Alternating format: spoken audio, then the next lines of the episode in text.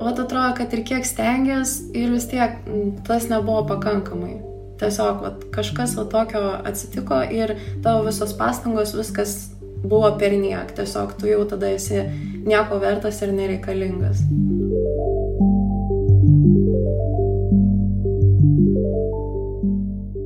Labas visiems, ačiū, kad įsijungėte Naro podcastą. Čia Karolis Višnauskas. Mūsų veiklą kviečiame palaikyti adresu patreon.com/nara.lt ir taip pat jau galite skirti mums 1,2 procento savo pajamų mokesčio. Mūsų viešoji įstaiga vadinasi Dokumedija. Ačiū. Šiandienos epizodą finansuoja aktyvių piliečių fondas. Ir jame mes kalbėsime apie darbą Mes išgirsime žmonės, kurie prarado darbą pandemijos metu, bandysime suprasti, kaip tai juos paveikė ir apskritai gauti informaciją, kaip apginti savo kaip darbuotojo teisės, kai to prireikia. Pasakojimo autorė yra kolegė Indrė Kiršaitė, kuri yra čia kitame Zoom laido gale. Labas, Indrė. Labas, Karoli.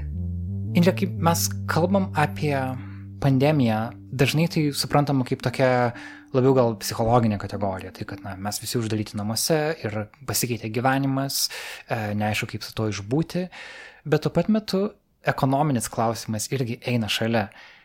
Nemažai žmonių šituo metu realiai neteko darbo arba yra rizikoje jo netekti ir tai jiems atveria visą naują lauką problemų. Tad ar tu gali supažinti, kokia yra šiuo metu situacija darbo rinkoje Lietuvoje praėjus daugiau nei metam po pirmojo karantino Lietuvoje? Šiuo metu nedarbo lygis siekia šiek tiek daugiau nei 16 procentų. Palyginimui prieš pandemiją, tai yra 2019 metų paskutinį ketvirtį, buvo 6,4 procento. Tai galime pažiūrėti, kad beveik 10 procentinių punktų padidėjo nedarbo lygis Lietuvoje. O kalbant apie realius skaičius, šiuo metu neturi darbo apie 280 tūkstančių žmonių. Tai jeigu pažiūrėtume, tai yra vienas iš dešimties Lietuvos gyventojų. O taigi net ne visi pas mus yra darbingo amžiaus, tai čia traukiu ir vaikus, ir, ir vyresnio amžiaus žmonės, ir viską. Net ir apskritai, jeigu žiūrėtume į miestą, kaip dabar atrodo, pavyzdžiui, Vilniaus senamiestis, kažkurį vakarą išėjau pasivaikščioti ir supratau, kad esu visiškai viena mieste. Kažkaip įprasta e, visada matyti daug šviesų mieste, tai ir vitrinos, ir kavinės, barai, Bet šiuo metu viskas atrodo taip tamsu. Ir nori, nenori, tada kyla klausimas, ką visi tie žmonės šiuo metu veikia, iš ko jie gyvena, iš ko jie moka nuomą, iš ko jie valgo. Tai va, tai dėl to ir kažkaip ir norėjosi pasigilinti į šitą temą ir tiesiog labiau pajusti tuos žmonės ir suprasti, nes skaičiai tikrai stebina, bet kiek matau apskritai viešojoje erdvėje, mes labiau apie juos ir kalbame, o ne apie realius žmonės. Mhm. Ir su keliais realiais žmonėmis tu susitikai e, rengdama šį pasakojimą. Mes jį pradedam nuo e, studentės vardu Elžbieta. Tai yra mano antros studijos, prieš tai buvau psichologijai, dabar studijuoju komunikaciją ir skaitmeninę rinkodarą. Ką reikia žinoti apie Elžbietą prieš išgirstant jos interviu? Elžbieta buvo neseniai pradėjusi dirbti Sebarenoje, administratorė Tačiau nors ir buvo prasidėjęs karantinas, ji darbo metu turėjo dirbti ne namuose, bet ofise ir ten užsikrėtė COVID. -u. Kaip viena jos lygos pasiekmių buvo prasidėjusios panikos atakos, todėl kartais jį pasiprašydavo dėl to išeiti iš darbo, kol galiausiai dėl viso to jie tiesiog atleido. Ir ta istorija iš tikrųjų yra tokia gan juokinga tuom, kad aš apsikrėčiau nuo mūsų direktoriaus, E, kadangi buvo suorganizuotas darbo susirinkimas ir jisai į darbo tą susirinkimą mes buvom gal septyniese ir visi susirinkom, sakėm, čia bendrausim be kaukių, kad būtų smagiau ir panašiai. Ir jis jau atėjo toksai sloguojantis, bet visus ramino, kad čia yra tiesiog sloga, viskas yra tvarkoj. Ir po to susirinkimo mes visi taip ir išsiskirstėm, kas po savo darbus. Ir susitikimas buvo pirmadienį, o šeštadienį jau man skambino mano vadovė ir sakė, kad, na, tau teks pasėdėti kurį laiką namuose, nes direktorius serga ir, ir gali būti, kad sergi ir tu. Tai kas jokinga, tai kad tas pats direktorius, kuris, va, nuo kurio prasidėjo sirgimas ir panašiai, tas pats direktorius mane ir atleido. Tai toks paradoksas. Ir jūs galiausiai susirgote COVID ir kokios buvo e, pasiekmes būtent lygos? E, man pasisekė tuom, kad aš laisva forma persirgau ir maniau, kad viskas tuom ir pasibaigs, bet gavosi taip, kad e, prasidėjo panikos atakos, kurių anksčiau nesu išgyvenusi ir buvo labai keista, dariausi labai daug įvairių tyrimų, nes maniau, kad gal čia šiaip kažkas atsitiko, bet visi tyrimai rodė, kad aš esu sveika ir visi gydytojai kartoja tą patį, jog tai bus COVID pasiekmė, nes tikriausiai kūnas susidūrė na, su tokia nauja infekcija, nepažįstama ir tas galėjo paveikti tą pačią nervų sistemą, tai tada ir atsirado visi tie priepoliai. Ir ar jie jūs ištikdavo darbe, kaip apskritai jūsų darbdaviai sužinojo apie e, šias pasiekmes lygos? Um, Man jie prasidėjo ne darbo metu, buvo čia per vienas iš mano laisvų dienų, e, va tada ir kadangi jų turėjau tą savaitę šiek tiek daugiau, tai gavosi, kad ir buvo daugiau to laiko atsigauti, pamaniau, kad gal čia tiesiog vienetinis toks reikalas ir panašiai, bet e, po to jos vis dažnėjo ir galiausiai aš jausdavaus labai nuvargusi. Ir jau po to paskutiniam vat, mano darbo dienom buvo taip, kad vieną kartą aš tiesiog atsiprašiau iš darbo, nes mane ištiko labai labai stiprus priepolis, nu, po kurio dvi dienas negalėjau iš lovos atsikelti tiesiog.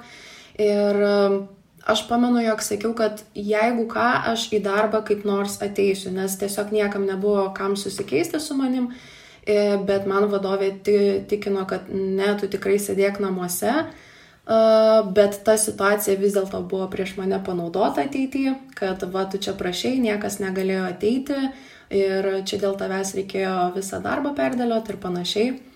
O antras kartas, kai atsiprašiau, tai buvo darbo metu, jau iki mano darbo pabaigos buvo likusios gal dvi valandos ir tiesiog aš jau nebegalėjau, jaučiau, kad vėl man darosi negera ir kad gali ištikti kitas priepolis, tai jau geriau anksčiau išeiti iš darbo, grįžti namo Ir e, tas irgi buvo va, tas antras kartas, po kurio aš turėjau laisvą dieną ir per tą laisvą dieną gavau tada tą pareiškimą, kad e, mane vis dėlto atleidžia iš darbo.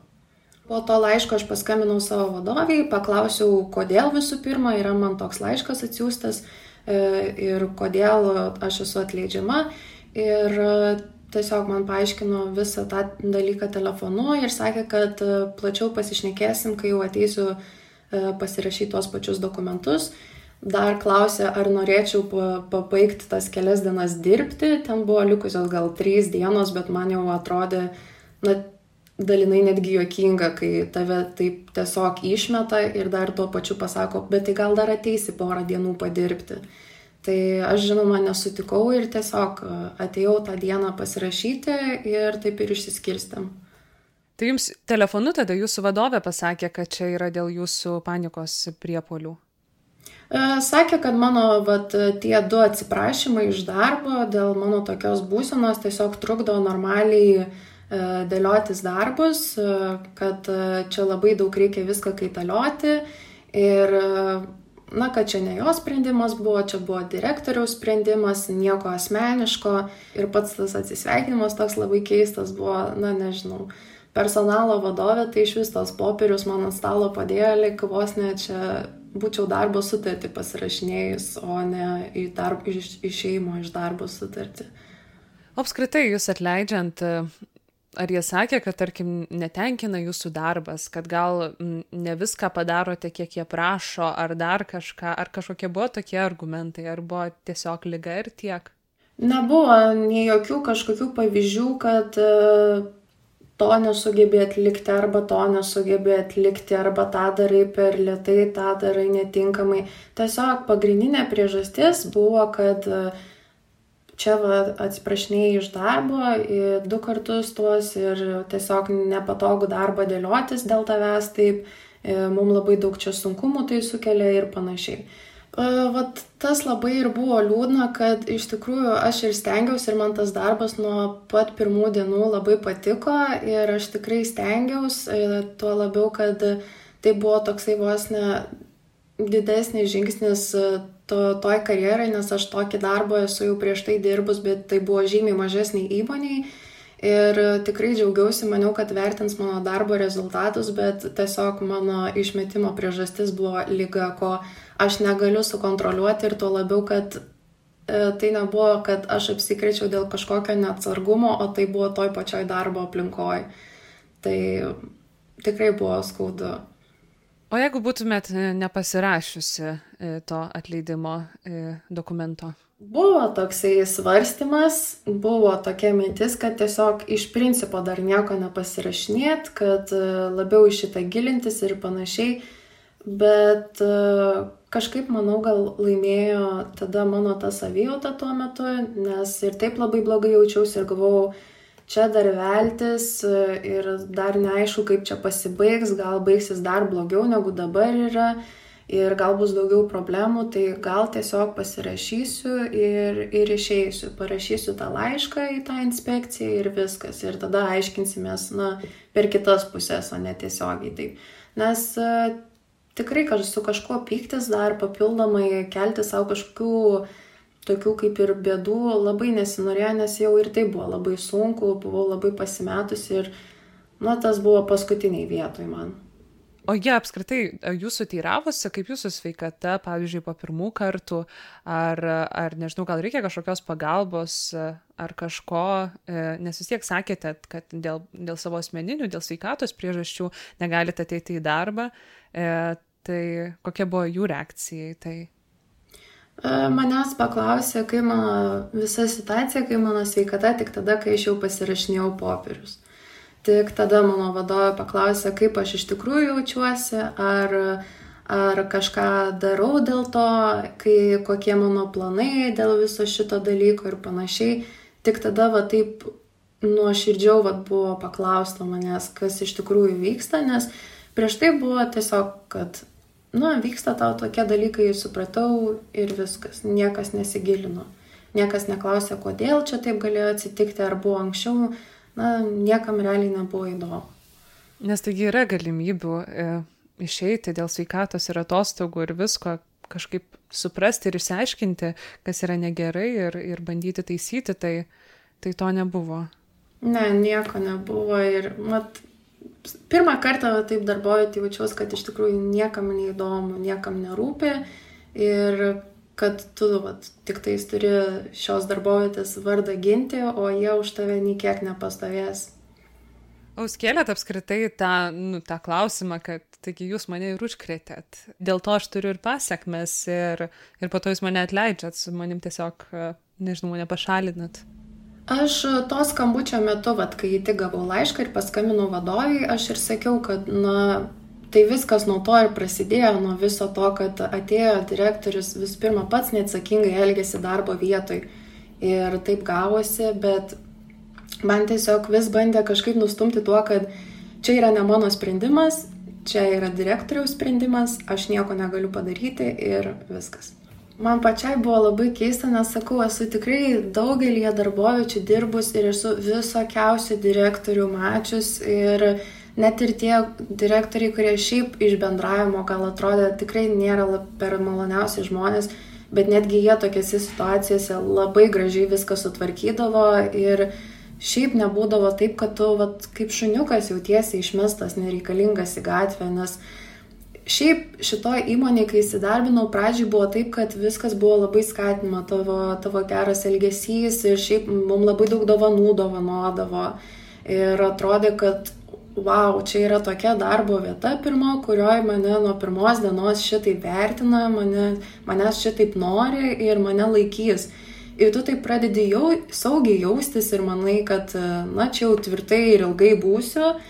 Ir tada, vat, atrodo, pasitaiko toksai, vat, mažas tarpelis, kažkas negerai tau atsitinka net ne dėl tavo kalties ir tave išmeta nieko tau net nepasakius. Ir tau į visą tai atsako, kad, na, nieko negalim padaryti, tiesiog nieko asmeniško. Bet tu kaip tik labai jautiesi, kad, nu, labai asmeniškai. Aš ir maniau, kad kažkas su manimi yra negerai ir pradėjau svarstyti apie visas situacijas, kuriuose galbūt kažką netai padariau. Bet kiek atsimenu visą laiką, tada skambindavau ar rašydavau vadovui ir sakydavau, ar gerai padariau, čia tą suklydau, bet taip pakeičiau, ar viskas tvarkoja. Ir mane užtikrindavo, kad, na, tikrai viskas gerai, nesjaudink. Bet o atrodo, kad ir kiek stengias ir vis tiek tas nebuvo pakankamai. Tiesiog vat, kažkas va tokio atsitiko ir tavo visos pastangos, viskas buvo per niek. Tiesiog tu jau tada esi nieko vertas ir nereikalingas. Ką dabar veikėt? E, kaip po to, nežinau, atsistatėt ir ar ieško toliau darbo, ar kaip apskritai, nu, tai vis tiek tai, tai svarbios pajamos turbūt buvo jūsų e, gyvenime, tai iš ko dabar gyvenate ir, ir ką darote? E, visų pirma, tas darbas buvo toksai kaip mano raktas į kitą gyvenimą, tai yra, nes aš ruošiausi išsikraustyti ir to darbo pajamos uh, turėjo man tą užtikrinti ir vat, tas planas tiesiog sugriuvo. Tai vienintelis geras dalykas yra tai, kad gyvenu su tėvais ir kol kas yra viskas saugu, niekas manęs neišmes, niekam nuomos nereikia mokėti ir panašiai, tai bent jau vieno kažkokio labai rimto darbo neturiu, tokios problemos. Uh, Šiaip iš tikrųjų labai sunku buvo pradžiai, nes e, ir tie nerimo priepoliai, ir tas darbo netekimas, nu, atrodė, kad visa žemė iš pokojų išslydo ir ką dabar daryti, kaip dabar save kažkaip susirinkti iš naujo. Ir teko nemažai vat, pradėti su psichologu dirbti, pradėjau gerti vaistus ir panašiai. Tai pati pradžia tikrai buvo labai sunku ir po to kažkaip e, išmokau žiūrėti į tai kaip į pamoką, kad, e, na, vos ne iš tos pusės, kad vo, aš net irgi džiaugiuosi, kad mane atleido, nes jeigu aš turiu už darbą taip stovėti, o jis už mane nieko, tai tada gal man geriau tokios darbovietės ir nereikia. Ir dabar tiesiog bandau susitvarkyti visas tas psichologinės problemas ir uh, žiūriu į šitą laikotarpį tokias kaip ir atostogas, nes e, kaip pradėjau rimtai dirbti nuo 18 metų, aš niekada neturėjau atostogų, nes visą laiką nuo darbo prie darbo. Ir dabar vat, savo sutikiu tokias rimtas atostogas, tai e, ir ilsiuosi, ir dabar tiem patiem mokslam yra žymiai daugiau laiko. Ir žinoma, jau kažkiek pradeda graužti tai, kad neturiu to darbo, nes nesu taip pratusi. Tai jau kažkaip po truputį bandau dairytis, kas yra geresnė, bet iš tikrųjų, na, yra baisoka. Dar baisoka, bet manau, kad, kad jau kaip ir galėčiau pradėti žiūrinėtis. O kaip jūsų nerimo priepoliai? E, palyginus su, pradžia, tai jau žymiai, žymiai geriau. E, vaistai tikrai labai padeda, Dar žinoma būna visokių niuansų, bet e, palyginus su pačia pradžia, tai dabar yra žymiai geriau. Tai labai, labai gera girdėti. Tai gerai, ačiū tada labai uh, už šitą pokalbį. Ačiū labai, tikrai. Ačiū, kad išklausėte.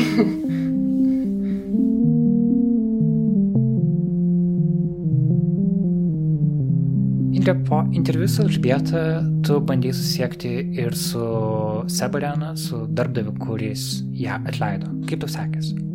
Sekėsi gana sudėtingai. Aš bandžiau susisiekti su Sebarena administruojančios įmonės UAB teniso pasaulis direktoriumi Ramūnu Grušu. Ir mūsų tas susirašinėjimas buvo gana komplikuotas. Jau pirmą laišką aš gavau atsakymą su nemažai teisinių savokų ir tokių tarsi prašymų, bet kartu skambančių kaip reikalavimai. Pavyzdžiui, iš pat pradžių jis norėjo, kad aš įrodyčiau, jog aš iš tikrųjų esu žurnalistė. Taip pat jis norėjo oficialaus patvirtinimo, kad Elžbieta žino, jog aš renku apie šią istoriją informaciją, nors aš jam buvau iš pat pradžių pasakiusi, kad aš jau esu paėmusi iš šios interviu. Tai įvykdžiau šiuos jo prašymus reikalavimus, bet aš irgi turėjau vieną prašymą. Aš norėjau, kad mes pasikalbėtume telefonu dėl to, kad tai tinklalaidė ir apskritai aš norėjau labiau pokalbio, ne kažkokio monologo iš kitos pusės, tačiau jis nesutiko ir sakė, kad situaciją komentuos raštu ir atsiuntė į tai komentarą, esą, kad nebūtų iškraipoma e, pati ta informacija. Ir tame rašte jis teigia, kad e, darbo sutartis su Elžbieta buvo nutraukta dėl to, kad įmonės netenkino jos darbo rezultatai. Cituoju, Darbo santykių nutraukimo priežastis nesutapę požiūrį į pareigingumą ir atsakomybę, kurie darbdaviui leido susidaryti aiškę nuomonę apie darbuotojos galimybės atlikti jai paskirtus darbus. Taip pat jis pridėjo, kad sveikatos sutrikimai niekada nebuvo ir nėra priežastis nutraukti darbo santykius, išskyrus atvejus, jei darbdaviui yra pateikiamos atitinkamos gydytojų išvados, nurodančios, kad darbuotojo sveikatos būklė neleidžia dirbti jam pavesto darbo. Tačiau kas tiksliau, jo netenkino, kokie tie darbo rezultatai buvo nepatenkinami, jis neįvardijo, jis pats pasakė, kad esą tai būtų neetiška, tačiau jo teigimu Elžbieta buvo supažindinta su tuo. Tačiau, kaip ir girdėjote interviu, pati Elžbieta pasakė, kaip atrodė tas supažindinimas. Vieninteliai tie netenkinantis momentai buvo tai, kad jį kelis kartus pasiprašė išeiti anksčiau iš darbo, kada jau pradėjo prastai jaustis ir kada pradėjo jausti, kad artėja panikos atakos. Tačiau ji pati sakė, kad visada atsiklausdavo, tai nebuvo tai, kad pati nusprendė ir išėjo, tiesiog pasiklausdavo, ar gali šiuo metu išeiti, tai būdavo prieš darbo pabaigą ir, ir jo, ir jie visada išleisdavo. Mhm. Tai nupiešime situaciją dar kartą.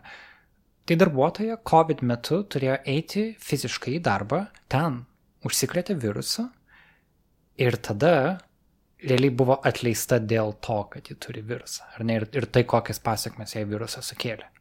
Taip, bet žinoma, kad mm, darbdavys tai neigia. Ir apskritai, jeigu pažiūrėtume Elžbietos darbo nutraukimo dokumentą, Ten irgi lygiai taip pat parašyta, kad dėl darbo rezultatų. Tai čia, manau, svarbiausias momentas yra tai, kad e, vieną m, jos vadovai sako, o kitą rašo kitą įformina, nes tu negali tiesiog atleisti žmogaus dėl kelių kartų, kai jis pasiprašė išeiti anksčiau iš darbo dėl sunegalavimų. Dar svarbus momentas yra tai, kad Elžbieta buvo bandomajam laikotarpį, tai ir pagal darbo kodeksą bandomajame laikotarpyje esantį žmogų yra šiek tiek lengviau atleisti ir yra mažesni reikalavimai tam. Mm. Ir tokiose situacijose žmonėms dažnai gali atrodyti, kad jie yra vieni šitoje situacijoje, kad yra darbuotojas ir yra darbdavys ir jie tarpusavį kažkaip turi išsiaiškinti. Ir e, jau pagal apibrėžimą darbuotojas yra silpnesnė pusė, bet yra ir valstybinės institucijos, kurių užduotis yra apsaugoti darbuotoją. Ir Elžbieta bandė susiekti su valstybinė darbo inspekcija. Ar ne, jinai ėjo šituo keliu, kaip jai sekėsi? Taip, Elžbieta kreipėsi į valstybinę darbo inspekciją, ji tiesiog jų puslapyje susirado elektroninį paštą ir juo išdėstė visą savo situaciją ir pridėjo įvairius dokumentus, taip patvirtinančius, tai ir įspėjimą dėl darbo sutarties nutraukimo, taip pat ir įvairias sveikatos pažymas. Ir tame laiške jį klausė, ką jį daryti toliau kaip būtų galima aiškinti šitą situaciją ir siekti teisybės savo atžvilgiu. Tačiau Elžbietos teigimu, ji jokio atsakymo iš valstybinės darbo inspekcijos negavo. Tai sužinojusi, aš pati bandžiau susisiekti su valstybinė darbo inspekcija, nes, ką svarbu paminėti, norint pradėti darbo ginčą, labai yra svarbus terminai. Tai yra labai svarbu žinoti tokį skaičių 30 dienų. Per tiek dienų reikia kreiptis į valstybinę darbo inspekciją, jeigu tu tai nori pradėti. Galima kreiptis ir šiek tiek vėliau, bet tam turi būti labai svari priežastis, kad tai būtų apskritai e, pradedama nagrinėti. Tai jeigu prisimintume, Elžbietos istorija yra iš lapkričio pabaigos, gruodžio pradžios, dabar jau yra kovas, tai praėjo tikrai daugiau nei 30 dienų, jau praėjo 3 mėnesiai.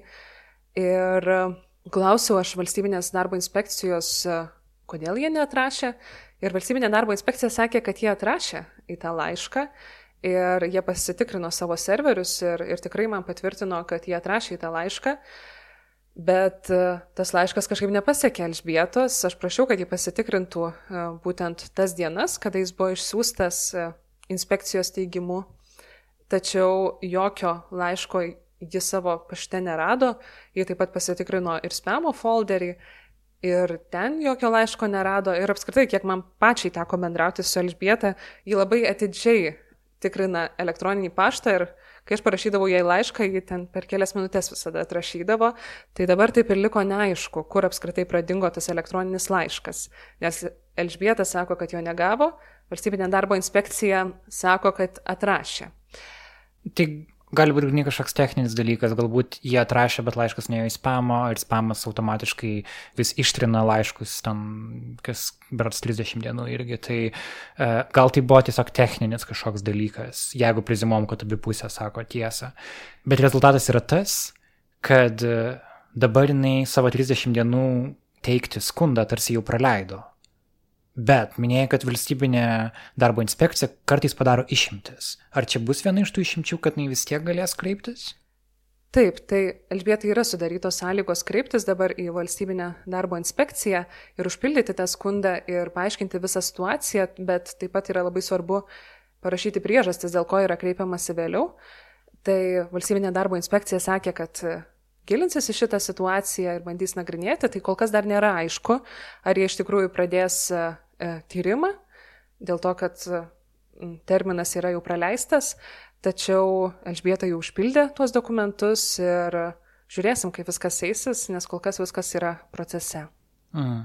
Tai viena iš pamokų turbūt neužtenka išsiųsti vienį mailą, turbūt verta ir paskambinti, verta kažkaip vis, vis duoti žinę apie savo egzistavimą, nes e, kartais techniniai kažkokie dalykai gali paskui rimtų problemų pridaryti. Tai suprantu, kad seksi toliau situaciją ir čia dar nėra pabaiga. Taip, tikrai seksiu. Indrė, tai Elžbieta yra pavyzdys žmogaus, kuris buvo įdarbintas pagal darbo sutartį ir atleistas iš darbo, bet pandemija palėtė ir daug žmonių, kurie dirba savo, dirbantis, pavyzdžiui, pagal individualią veiklą arba pagal verslo liudėjimus. Techniškai jie na, nebuvo atleisti iš darbo, tik kas atsitiko, kad jų užsakymai baigėsi.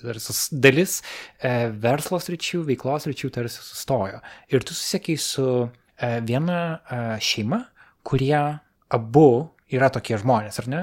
Dirbantis pagal individualią veiklą ir esantis tose sektoriuose, kurie, kurie vieni labiausiai nukentėjusių nuo pandemijos yra. Taip, aš susisiekiau su šeima, kuri labai baidžiai gali iliustruoti visą šitą situaciją, nes iš tikrųjų, kai kalbame apie pandemijos padarinius darbo rinkai, tai pirmiausia pagalvojame apie atleistus žmonės, bet iš tikrųjų yra daug žmonių, kurių tiesiog atrodo paslaugų nereikia šiuo metu. Tai pakalbinau vieną šeimą, kurios abu nariai užsieima individualią veiklą Tai yra Laurinas Paukštys ir Užra Paukštė. Laurinas iki pandemijos dirbo sporto treneriu, o Užra turizmo sektoriuje. Tai yra tose sritise, kurias, kaip matome iš praktikos, atlaisvina vėliausiai. Tai galime išgirsti jų istorijas. Gerai, aš pradėsiu. Aš esu Užra Paukštė, šalia manęs Laurinas vyras Paukštys, bet prisistatys pats save. Esu uh, turizmo industrijos atstovė, taip galiu papasakoti nuo to, nes iš tikrųjų nemažai turiu patirties ir e, jeigu ne pandemija, tai jau būtų devyni metai, kai dirbu turizme, tai iš tikrųjų pradėjau labai seniai. Aš esu Laurinas Paukštys, e, save dabar pristatau kaip grupinių užsiemimų trenerį ir dėstytoją, scenos judesio dėstytoją LMTA. Pabandykim nusikelti į tą laiką, e, kada pati pirmoji karantino banga prasidėjo, tai buvo kovo vidurys. Su kokiais lūkesčiais e, pasitikote tą būtent laikotarpį ir kaip tai keitėsi? Praėjo beveik lygiai metai. Tada viltis buvo, kad viskas labai greitai susitvarkys. Kad uh, bus mėnesis, na tarkim, du, trys čia blogiausias atvejis ir mes toliau visi gyvensim kaip gyvename. Kas atsitiko, kad taip neįvyko ir tos viltis bliuško. Jausmas buvo labai skirtingas. Kai laikas tęsiasi, laikas ėjo, jautėsi, kad, na, sakykime, ta depresija, negalėčiau, aišku, stipriai, tai tokiais žodžiais, aišku, mėtytis, bet iš tikrųjų ta vidinė būsena buvo labai prasta. Nes tada net kilo tokios mintis, kodėl man, kodėl mums, kodėl mūsų šeimai, nors ir žinome, kad tai yra globalinė problema ir visiems taip yra, bet tų klausimų savo, kodėl man taip atsitiko, nes galbūt kažko, kažkaip niekai visiškai nebuvo niekas paveiktas, mm, o mum, vat, mums abiems, mūsų šeimai atsitiko vat, mums abiems ir mums dabar reikia tai išgyventi. Pirmas karantinas buvo labai netikėtas, ir todėl mums buvo labai sunku, nes mes nesitikėjom ir nežinojom nieko, ką dabar reikės daryti. Gal, iš tikrųjų dar bijojom dėl sveikatos pirmiausia, dėl šeimos ir dėl savęs. Ir pirmas karantinas bent jau man, tai buvo labai labai labai sunkus. E, tikrai teko ir gulėti ilgai lovoje, žiūrėti ir galvoti, ką dabar darysiu, nes viskas pasikeitė iš tikrųjų per greitai. Ir tai buvo labai labai sunku išgyventi psichologiškai. A, nu tai, kad jis buvo šokas, tai e, tikrai tai buvo šokas. Aš atsimenu, buvo labai keista mm, nieko neveikt ir, ir turėti tą tokią Iš pradžių buvo taip, e, kai paskelbė karantiną dviem savaitėm, aš irgi labai gerai atsimenu, kad aš savo sportininkam, klientam, kurie pas mane sportuoja, pasakiau, kad laikykitės, viskas bus gerai ir tikiuosi, kad pasimatysim po dviejų savaičių. Tai aš tikrai nuoširdžiai tikėjausi, kad tos dvi savaitės ir bus dvi savaitės, bet netgi ir tos dvi savaitės atrodė labai baisios, aišku, dėl pačio viruso, dėl lygos, dėl nežinojimo, ko iš jo galima tikėtis, pergyvenimas dėl mamų, šeimos narių, kad jiem viskas būtų gerai. Bet ir tas toks laiko turėjimas staiga nieko nedaryti, nes gyvenimo ritmas pas mus sukasi labai daug metų, mes negyvenam nieko nedarydami, mes taip dirbam, dirbam, keliaujam, bet ir mūsų kelionės visada yra aktyvios. Mes, mes visada veiksme toks vaizdas. Kartais norisi atsikvėpti, ten būna, kad atsikvėpi dieną, dvi, bet čia staiga toks gabalas didelis dviejų savaičių ir, ir o, ką daryti. Bet mano buvo jausmai tokie, kad praeis dvi savaitės ir grįšiu į darbą ir viskas bus gerai.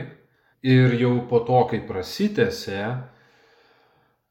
Šiaip tai sunku atsiminti tiksliai iš tikrųjų tą būseną, nes aš bandžiau iš jos pabėgti kiek įmanoma greičiau ir nepatiko man ta būsena. Buvo tikrai liūdna, buvo, buvo visokių juodų minčių ir, ir pasivumas labai didelis galiausiai įsijungė, nes dar pačioj pradžioj ir, ir bandžiau sportuoti namie aktyviai, palaikyti fizinę formą vos nedarbo režimu, kai ten turi po penkias treniruotės per dieną ar daugiau. Ir galiausiai tai mažėjo, mažėjo, mažėjo ir virto į tokį visišką pasivumą, gulėjimą ant sofos, valgymą ir žiūrėjimą serialų, filmų, kas iš tikrųjų labai padėjo. Stengiamės žiūrėti komedijas, stengiamės žiūrėti nuotaikingus dalykus, tai bent tai įtraukdavo Tai taip ir būdavo dienos, atsikeliam, žiūrim, žiūrim, žiūrim, einame got, atsikeliam, žiūrim, žiūrim, žiūrim ir bent jau tos komedijos mus kažkaip, bent jau mane asmeniškai tikrai tempė po truputėlį aukštyn ir neleido visiškai, visiškai nusivilt viskuom kažkaip. Kad pamatytume skirtumą turbūt tarp dabar ir kaip buvo anksčiau, gal galėtumėt plačiau papasakoti, kaip buvo anksčiau. Tai mano darbas, e, tos grupinės treniruotės, jos yra įvairios, nuo labai intensyvių iki ramių į jogos pilateso pobūdžio treniruočių tipą. Nu ir mano kasdienybė atrodo, dar turiu studentus, scenos judesys, ten mes su jais taip pat sportuojam,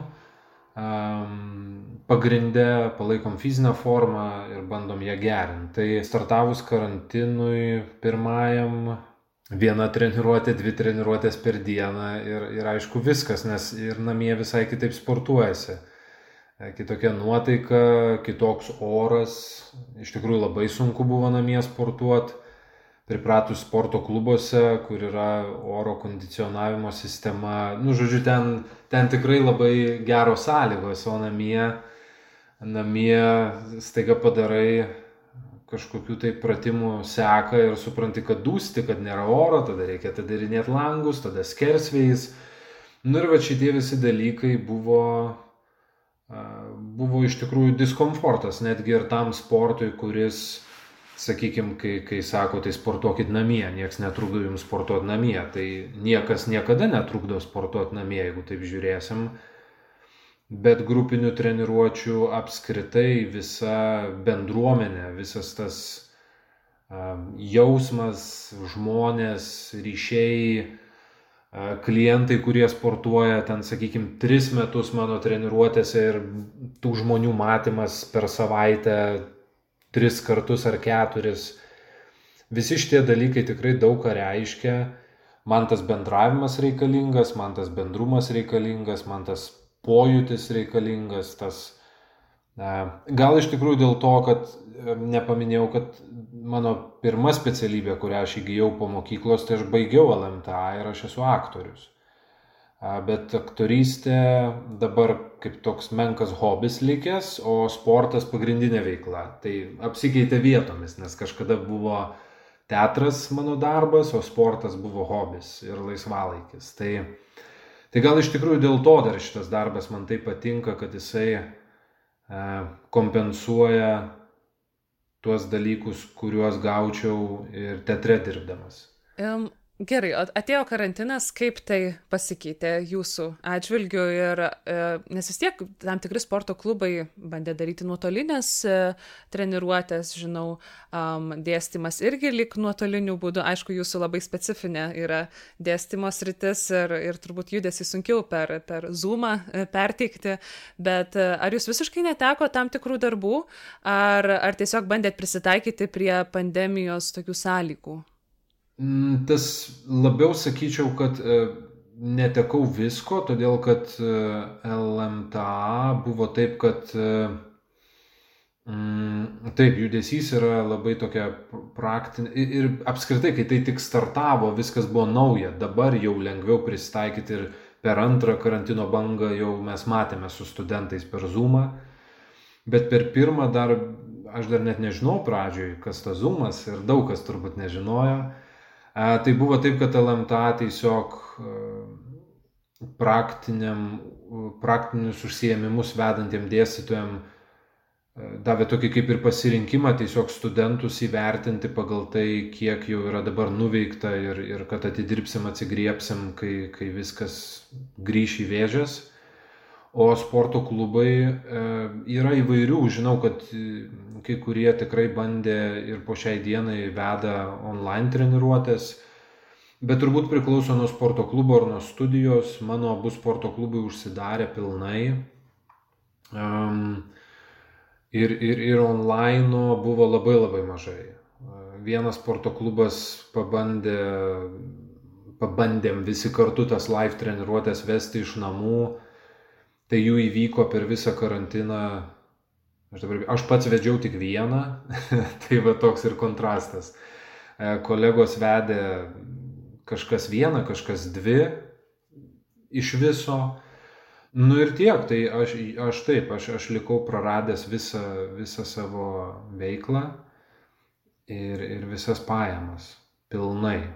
Aušra, jūs? Mano visų pirma labai specifinė veikla, galėčiau sakyti, ir pats darbo pobūdis. Dirbau su individualia veikla, mm, vėlgi labai panaši situacija. Mums iš tikrųjų abiem tenkina tokios sąlygos, nes iš tikrųjų galime planuoti savo laiką, atsisakyti darbų arba pasimti jų daugiau. Tai tikrai niekada nebijojau individualios veiklos, jeigu gali su tuo gyventi, tada tikrai galima labai gerai kontroliuoti savo, savo darbą ir laiką. Um, dirbau sezoniškai, ką tai reiškia? Maždaug nuo balandžio mėnesio iki lapkričio, tai yra tas darbin, darbingas sezonas, kai um, turai vyksta nuolatos.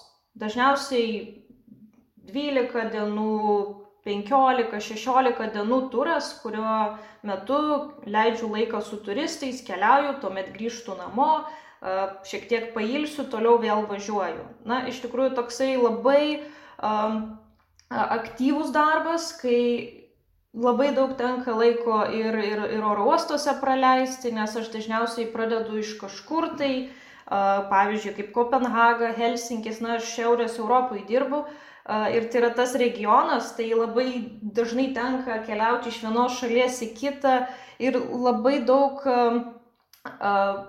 yra veiklos, tai yra tas aktyvumas, kuris, na, iš tiesų man labai labai patinka, tai yra tas, kas mane palaiko gyvą, taip galiu pasakyti, nes tas yra tikras darbas, kuris mane, man suteikia malonumo. Ir pats darbas daugiausiai vyksta uh, užsienyje, nebent tai pravažiuojam per Lietuvą. Ir, ir mano dar specifinis dalykas yra, kad uh, dirbu su užsienio klientais, ne Lietuvos klientais, ne, ne Lietuvos svečiais. Tai reiškia, kad tam, kad turas įvyktų, reikia dar iš esmės, kad būtų pasų pasaulyje tikrai ne, ne tokia situacija, kad visi galėtų atkeliauti į pradinį tašką.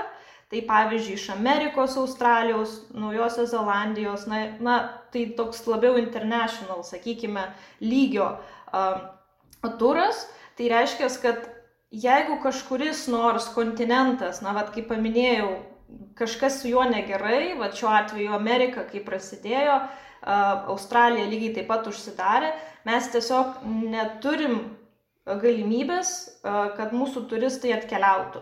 Tai čia dar papildomai vat, prisideda prie to, kad, sakykime, galbūt sakysit, sakys kas nors, na, tai Lietuvoje galima keliauti, bet mano specifika iš esmės vėlgi labai skirtinga negu, sakykime, vat, kelionės Lietuvoje ar netgi Baltijos šalise.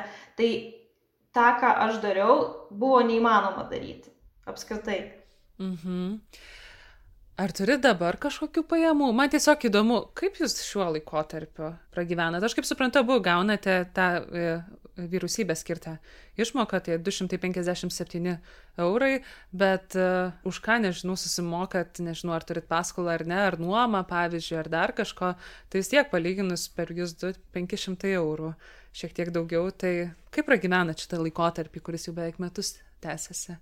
Tai kas iš tikrųjų labai labai labai gelbėja, tai santaupos, nes mes jau daug daug metų negyvenam taip, kad ten nuo algos iki algos, sakykime, ar, ar ten rezervas vienos algos dydžio. Tai mes į santaupas žiūrėjom visą laiką rimtai ir kartais e, nekeliavom tiek daug, pavyzdžiui, kiek norime keliauti, nes reikėjo santaupų ir, ir mes jas kaupiam. Tai Santaupos yra vienas dalykas, kuris gelbsti. Paskolą turim, čia, čia irgi būtų atskira istorija, nes mes paskolą ėmėm, taip viskas susidėliojo, kad mes ją iš tikrųjų paėmėm pirmo karantino pradžioje.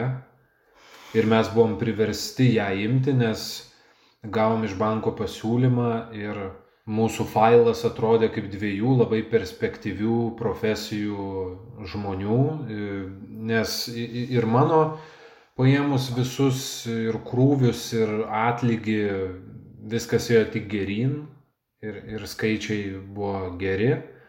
Aušros prasme irgi buvo ir paaukštinimas pareigose, ar ne, kur yra tie visi, nu žodžiu, visi, visi rodikliai rodė, kad mes labai perspektyvus ir mes tikrai jau galim imti paskolą drąsiai ir smogė karantinas tai buvo arba dabar, arba ne niekada, bet artime, nors kita vertus atsižvelgiant, kiek mums metų, vad man suėjo 35, žodžiu, tai, nu, nesakyčiau niekada, bet norą pasimti paskolą, jeigu būtume nespėję to padaryti pirmo karantino metu, tai labai būtų komplikavę ir, nu, šiaip nežinau, ko būtų reikėję, kad mums pavyktų išpildyti to, ką buvom, nu, užsibrėžę, išpildyti savo svajonę dėl būsto.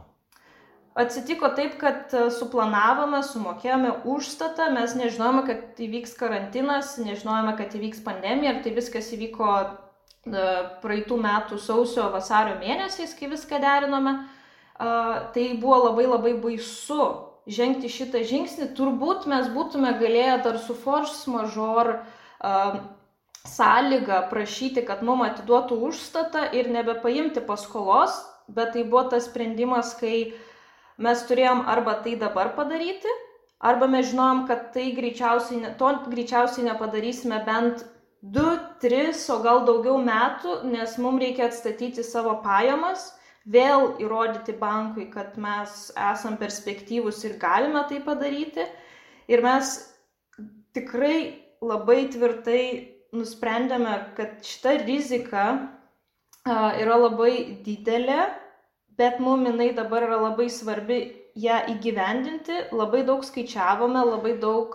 Taip, mes pasistengėm atsiriboti šiuo klausimu labai labai stengiamės, bet tikrai viens kitam tą kartuojam, atsiribojam nuo emocijų, ir, ir, ir, nes emocijų buvo labai daug. Ir aišku, iš karto ta reakcija, o Dieve, dabar kas atsitiks su užstatu, kaip čia rimti ar neimti. Viskas rodė, kad viskas mums bus gerai ir, ir viskas mums yra gerai. Aš, aš tai nematau bėdos, kad mes ten svetainėje nenusipirksim baldų, gal dar metus ar du.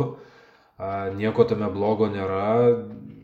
Gyvenam dabar kaip gyvenam, toks pusiau įrengtas būtas, bet svarbiausi dalykai jame yra. Kalėdom gavom duris pagaliau ir turim kambarius skiriančias duris Tai va tokie maži džiaugsmai iš tikrųjų, nes kai atsikraustėm, be durų mes porą mėnesių pragyvenom, tai, nu, taip, taip įdomiai buvo, taip keistai ir vos nesu kasdien dar ateinančiais kažką padaryti meistrais. Tai ta, tai, na, nu, tai toks buvo labai keista taip gyventi, bet aš tai manau, kad, kad ir kaip liūdna dėl darbų ir dėl visos esamos situacijos, vis tiek šitas sprendimas buvo labai labai geras ir jis iš tikrųjų galiausiai suteikia labai daug džiaugsmo, nes, nu vis tiek, naujas, gražus būstas, svajonė išpildyta ir, ir viskas yra gerai. Tai vad, manau, kad buvo geras sprendimas, nes karts nuo karto mes taip pakalbam, kad jeigu būtume pasitraukę, vat, pasidavę emocijom, išsigandę ir pasitraukę, tai turėtume dabar labai labai daug santaupų, kurias turbūt leistume, nes... Arba vis tiek norėtume kažką. Tai Arba vis tiek įsigyt, norėtume, bet jo, būtume, bet, bet būtume tada... banko.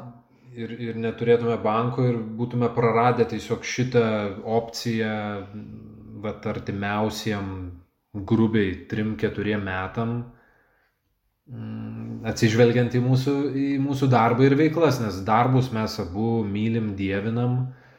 E, tikrai, tikrai esam, daug kas klausia, kaip mes taip gyvenam, kai užra išvyksta ir jos ilgai nebūna. A, tai labai gerai gyvenam, aišku, yra sunkių akimirkų, bet a, e, kažkaip visada ir visur yra sunkių akimirkų. Dabar, kai mes esame... Nebūna, ne? Taip, taip. Nebūna dabar, kai esame užsidarę 24-7 tiek laiko, tai dar klausimas, kas geriau. Ar pabūti atskirai karts nuo karto ir pasilgti viens kito beprotiškai, ar, ar, ar, ar kvepuoti viens kitam į kaklą virš metų ir neduoti ramybės. Tai dar, dar galima pasverti. Jeigu pažvelgtume, nežinau, kiek per mėnesį e, yra išlaidų, tai jūsų atveju tai ir paskolos išlaidos, tai nežinau, maistas, turbūt dar daug kiti poreikiai, kurių turbūt per pandemiją mažiau yra neįprastai. O kiek, kokią, pavyzdžiui, dalį padengia tie vyriausybės skirti pinigai? Ir kiek jums reikia prisimesti iš savo e, santaupų? Dar pridėsiu, kad e, viena buvo išmoka iš Vilniaus savivaldybės, nes buvo galima pradžioje kreiptis e, nukentėjusiems, tai dar buvo viena išmoka. Vienkartinė. Vienkartinė. Berots mūsų šeimai apie 450, tiksliai nepamenu, bet kažkas tokio iki 500. Tai kaip pagalba čia per pirmą karantiną ir tuomet e, po 257, tai abu gauname na, iš esmės tai mes galime tai padengti, na, sakykime, kiek tai galėtų būti. Na, pusės tai ne, nes iš esmės manau, kad trečdalį galėtume, sakykime, kad pilnai galėtume padengti vat, iš tos vat, sumos, tai turime mm, kitą visų iš... savo išlaidų. Taip, taip, visų išlaidų, aš kalbu apie visas kalbų, nes taip ir, taip ir kalbam. Tai, tai maistas, mokesčiai, tai trečdalį padengia, kas yra iš tikrųjų mažai, labai mažai, nes labai daug yra mm, naudojamos santaupos. Bet jos kažkada e, gali baigtis, tikiuosi negreitai, bet, bet kažkada e, jo yra pabaiga ir nežinau, ką apie tai galvojat, nes ir, ir apie pandemiją, e, irgi žvelgiant į ateitį, tarsi atrodo yra ta e, tas lūkestis, kad čia greitai mus paskiepys ir kuo daugiau populacijos ir taip toliau, bet jeigu pasižiūrėtume skaičius, jie maži ir dar iš tikrųjų e, nežinom, tikimės, kad, kad greitai pasibaigs ši situacija, bet kada mes iš tikrųjų nežinom. Tai ką apie tai galvojat? Na nu, yra, aušra galės iš savo pusės pasakyti, man Ten buvo pasiūlymas pasifilmuoti truputėlį, tai pasifilmavau, tai šiokia tokia injekcija, nedidelė jinai, bet, bet yra injekcija. Tada dabar turiu vieną žmogų, su kuriuo dirbam online, kuriam vedu asmeninės treniruotės. Bet tai yra vienas žmogus vėlgi. Tai Tai va tokių labai labai minimalių injekcijų, ačiū Dievui, karts nuo karto atsiranda. Nedažnai, e, tikrai mano atveju nedažnai. Bet aš džiaugiuosi kiekvieną atsiradusią galimybę, į kiekvieną skambutį su kažkokiu pasiūlymu aš dabar net negalvodamas sakau taip ir, ir, ir tada jau galvoju, kam aš čia sutikau ir pasirašiau, nes tiesiog dabar taip reikia. Dabar, dabar tai taip, mažėjančias santaupas matyti yra labai nesmagu, tie skaičiukai visada žemyn keliauja, tai, tai negeras jausmas tai matyti, bet kažkaip Kol kas vis dar, viskas dar gerai, viskas dar gerai. O iš tavo pusės? Iš, iš savo pusės tai kalbant, kad vėlgi kiekviena galimybė dabar yra labai svarbi ir jinai kiekviena galimybė užsidirbti yra visada priimama. Tai vėlgi teko vasarą dirbti kino festivalė, kai dar buvo galimybė renginiams vykti. Tai tokie, vat, sakykime, labai galbūt trumpi projektai, bet kiekvieną projektą priėmiau vat, kaip galimybę užsidirbti. Ieškojau darbo, tikrai galiu šitą pasakyti ir tą dariau gana rimtai, kai prasidėjo pirmas karantinas, šiek tiek laiko praėjo, supratau, kad greičiausiai čia greitai niekas nesibaigs, ieškojau darbo. Pagal darbo skelbimus supratau, kad tai, ką aš darau, kalbant apie turizmą, tai vėlgi visas turizmo sektorius pilnai užsidaręs, turiu vadybos, marketingo patirties, tai ieškojau iš tikrųjų šiame sektorėje darbų. Supratau, kad vėlgi aš neturiu paskutiniais metais patirties, tai mane greičiausiai ir iš tikrųjų nelabai rimtai žiūrėjo, kad ir buvo visokie pasiūlymai. Tai tuomet pradėjau mokytis ir apie finansus, na iš tikrųjų ėmiau viso, visą galimybę mokytis ir bandyti išmokti naujų dalykų. Ir tai irgi atnešė papildomų pajamų, nes pradėjau šiek tiek kitomis veiklomis užsiimti. Nes faktas, kad mes, kad ir praradom, bet mes suvokiam kad turime kažką daryti. Kad kaip bebūtų, mes nu, negalime užsidaryti dabar ir visą, visą laiką uh, verkti, depresuoti, tai nėra tas uh, variantas. Uh, tikrai ne mums, tikrai mastome, kad, kad kiekvienas gali dirbti ir užsidirbti, jeigu, jeigu to nori. Aišku, aplinkybės nėra pačios geriausios, šiuo metu turiu kelias papildomas veiklas, galiu taip sakyti, dirbu ir prie projektų, ir šiek tiek finansų um, tema konsultuoju žmonės, tai ką aš išmokau per karantiną. Ir tai yra uh, tai, kas dabar irgi padeda prisidėti prie mūsų nemažėjančių santaupų, nes tiesiog tai yra šiek tiek pasidengia ir galbūt nebėra taip skausminga. Nes dabar tikslas yra, kad santaupos, jos bent jau nemažėtų. Ta prasme, tai yra tas momentas, kai suvokiam, kad mums dabar reikia dirbti tam, kad galėtume bent jau išgyventi tą mėnesį ir galbūt pasididinti taip, kad, na, jos jau eitų į pliusą. Tai toks yra tikslas, sekasi po truputį, nėra taip, kad jau tikrai tą pasiekėme, tai, bet siekis yra toks, kad kartu per mus bent jau per mėnesį neišleistume daugiau negu negu uždirbame. Ačiū Jums labai. Tai ačiū. Ačiū Jums. Pokalbį. Ačiū labai.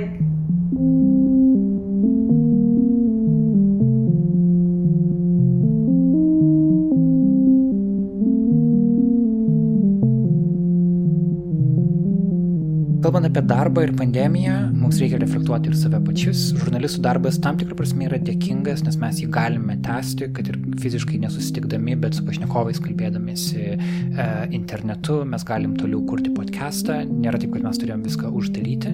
E, kita vertus, mes esame priklausomi ir nuo savo klausytojų. Ir man pačiam buvo didelė baime, ar žmonės nepradės tiesiog iš mūsų Patreono vienas po kito atsijungti, nes bijodami dėl, aišku, jie turės pinigų, gal pradės labiau taupyti.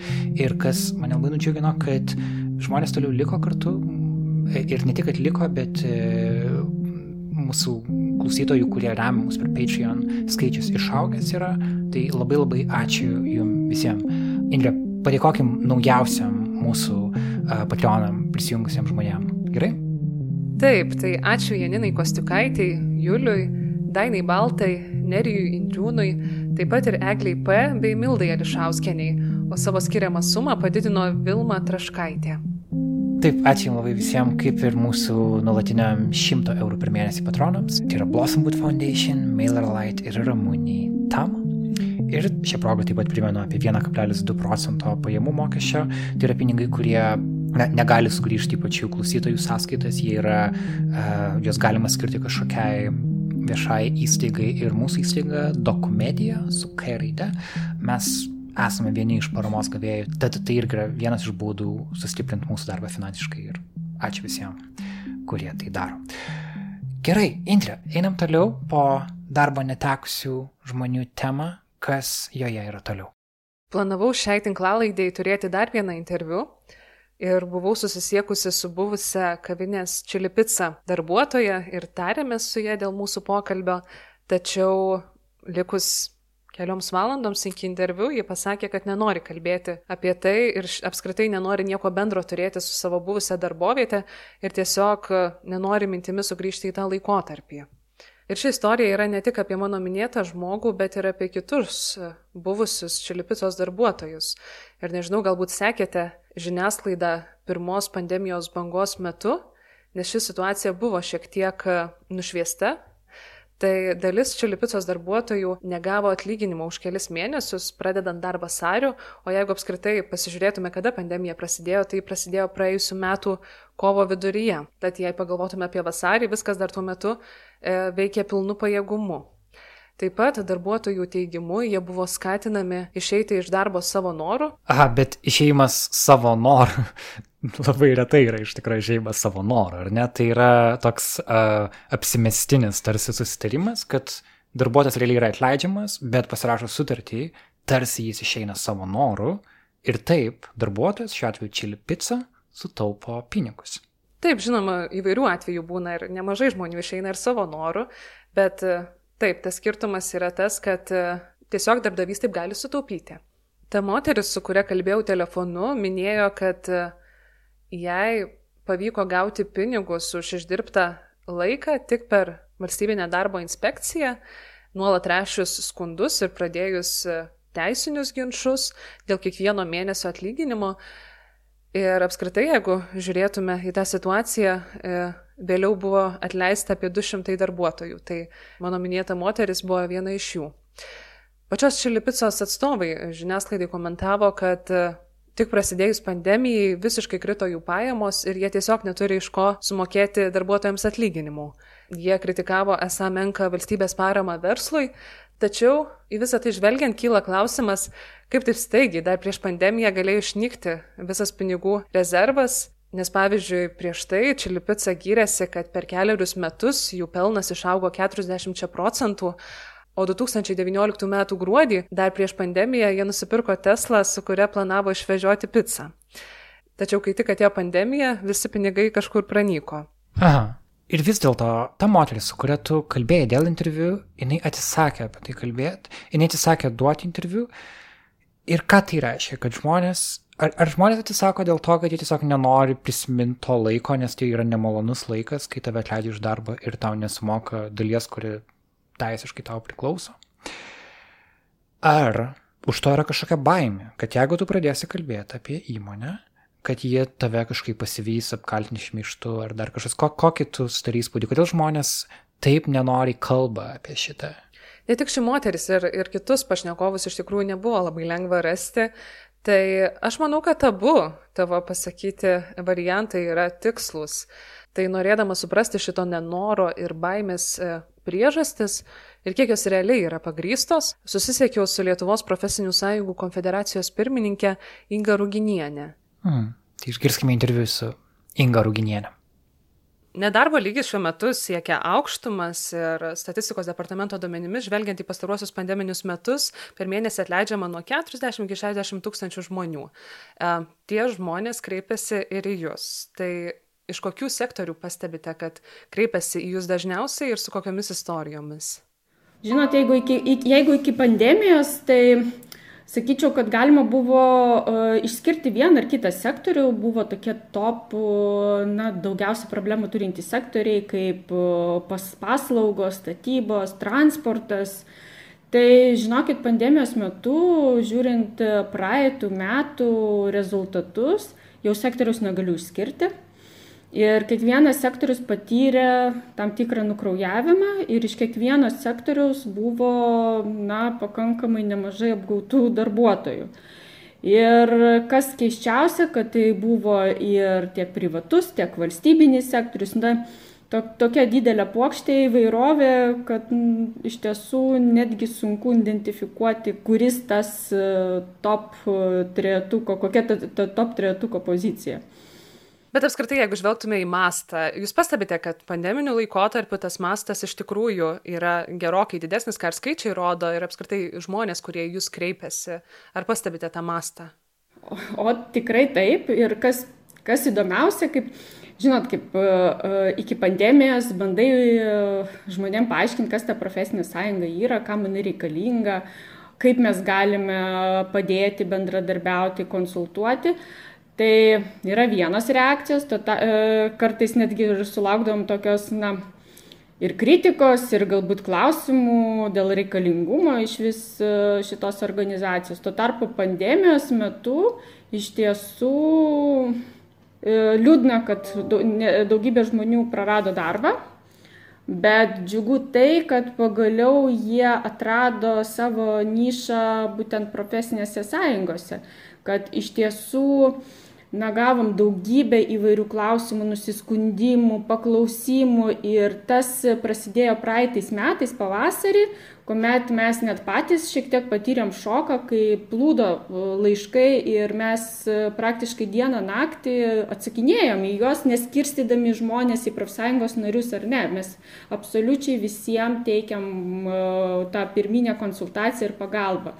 Ir tai matyt rodė dar tokį faktą, kad valstybinės institucijos matyt neturėjo tokio pajėgumo konsultuoti žmonės. Jeigu iki to buvo vieni kiti pavieniai atvejai ir žmonės dažniausiai gaudavo informaciją iš valstybinės darbo inspekcijos, tai dabar užplūdus tiek prašymų, matyt žmonės jau nebegaudavo informacijos ir ieškodavo alternatyvių būdų ir tas būdas buvome mes. Tai mes netgi naujovės įvedėm, mes atidarėm uh, tokį klausimų ir anoniminių pranešimų skirelį savo puslapyje, kai žmogus gali visiškai, ne, gali paklausti, gali tiesiog pasiskūsti ir parašyti, arba anonimiškai, arba ne, čia jau jo sprendimas.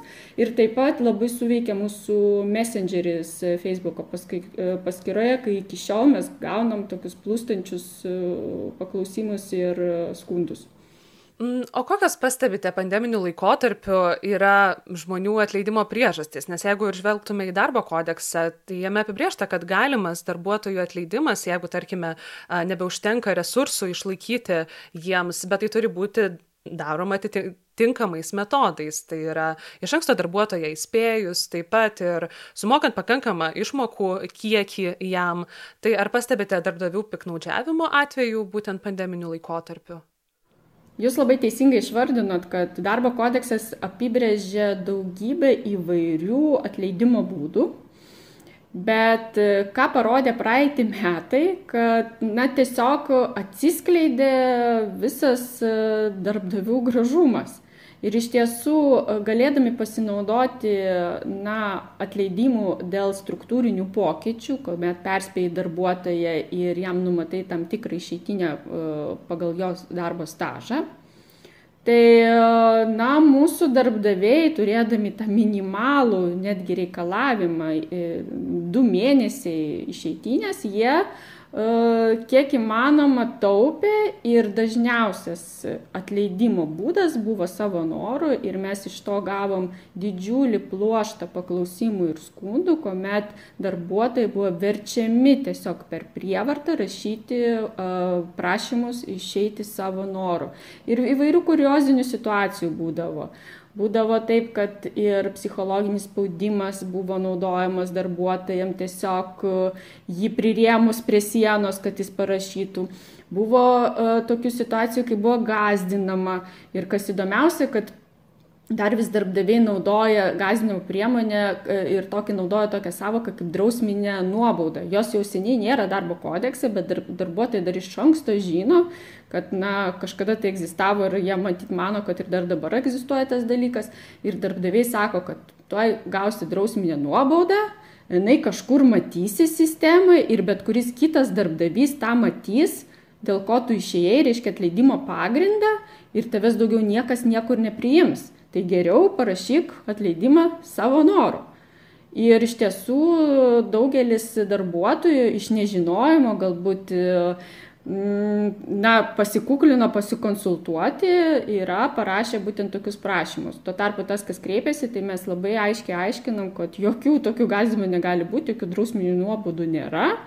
Yra tik įspėjimai dėl darbo tvarkos pažeidimo, kurias galima ginčyti beje toj pačioje darbo ginčių komisijoje. Na tikrai darbdavys turi labai realų pagrindą turėti, kad atleisti ir kad na, ir turi turėti įrodymus, kad darbuotojas padarė darbo teisės pažeidimą.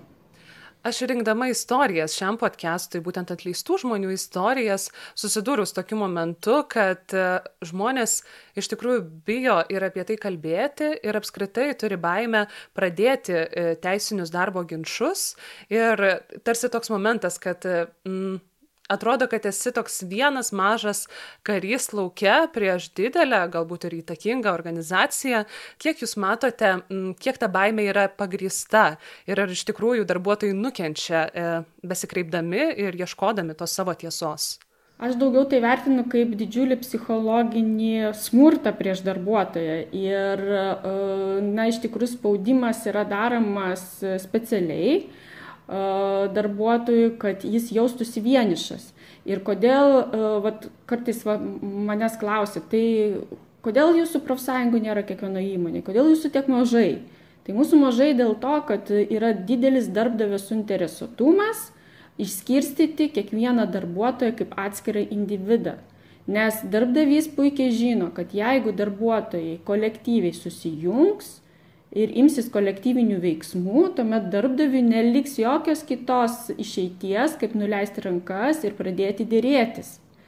Nei vienas darbdavys to nenori. Jam žymiai paprasčiau pakviesti darbuotoją į kabinetą, kur yra dar du ar trys tie patys administracijos atstovai ir padaryti psichologinį spaudimą, e, darant, na, tokį kaip ir linką į tai, kad e, yra, pavyzdžiui, regionas, tam regione du, trys pagrindiniai darbdaviai yra ir kad tu čia nesišakok, nes maždaug e, arba negausi niekur darbą ir tau reikės išvažiuoti iš to regiono, arba, na, bus dar blogiau.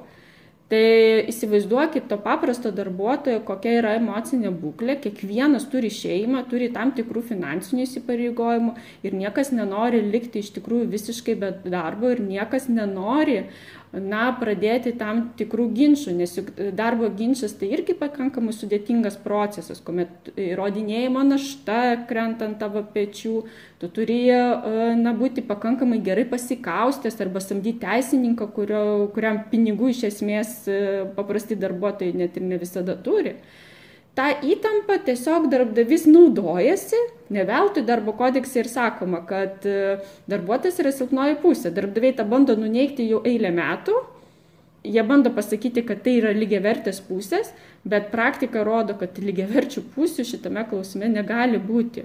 Darbuotojai iš tiesų yra silpnoji pusė, jie turi mažesnės darybinės galės ir, na, kas dar įdomiausia, va dabar va, pris, e, prisiminiau, tiesiog e, vieną turėjau tokį praktinį pavyzdį, kai pamačiau, kad e, regione dar yra kitas fenomenas, kai darbdavys turi didelį autoritetą prieš darbuotojus. Ir pavyzdžiui, Didžiajame mieste tai tas labai sunkiai iš tikrųjų išvelgiama, bet vat, mažuose miesteliuose tai darbuotojai jie tiesiog e, dažnai būna tiki darbdaviu, nes darbdavys skaitosi labiau įsilavinęs, Jis labiau galbūt dažniau panaudoja teisinius įvairius sudėtingus terminus, kurių darbuotojas ne visada supranta ir tai normalu, mes visi negalim būti ekonomistai, teisininkai ir visai išprūsę.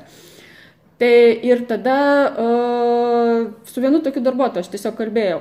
Aš jam aiškinu, kad uh, vienos ir kitos teisinės normos yra taip išdėliotas darbo kodekse ir kad tu jokių būdų taip nedaryk, nepasirašinėk dokumentų, kurių tu ne, neperskaitai. Kad tavo veiksmai turėtų būti tokie, tokie ir tokie, lauk įspėjimo dėl atleidimo ir toliau uh, lauk kol, nes procedūrą turi vykdyti darbdavys, bet ne darbuotojas. Darbdavys nori atleisti, jis ir vykdo procedūrą, bet net virkščiai kas bandoma primesti darbuotojui. Ir darbuotojas, jis toks, nu, tas man buvo labai labai keista, jis taip e, sako, bet man juk darbdavys sakė kitaip. Ta prasme, pasinėt ant tiek vat, yra sudaryta tokia, vat, toks galios centras ant tiek yra išplytęs per visus darbuotojus, kad jie, jie net, net nesuabejoja, kad, pavyzdžiui, darbdys gali uh, šiek tiek pagudrauti, netaip interpretuoti tam tikras nuostatas. Ir aš supratau, kad vat, regione ant kiek yra gili ta problema, kad vis dėlto reikia mūsų pagrindinis, va ką mes ir praeitais metais ir darėm, e, mūsų pagrindinis tikslas - edukuoti darbuotojus, kad kuo daugiau, kuo plačiau jie išgirstų, nepasirašinėti, perskaityti. Aš jau sakau, net kartais mes juokaudam, nu, teisininkų tikrai niekas, ne, ne, ne, ne kiekvienas turi pinigų. Mums parašyti, mes pirminę konsultaciją visą laik duosim.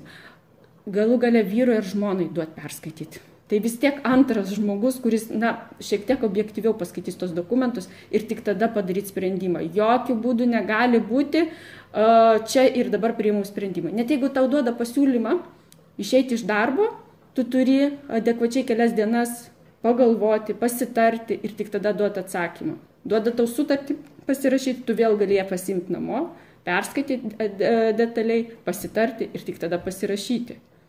Bet jeigu net žvelgiant e, į tam tikrų darbo institucijų, e, ten tarkime, puslapius elektroninius ar dar kažkur, kartais viskas atrodo labai klampu ir viskas labai sudėtinga ir atrodo, kad jau čia taip įsivelsi, kad, e, nežinau, laisvai jau neišlysi iš to.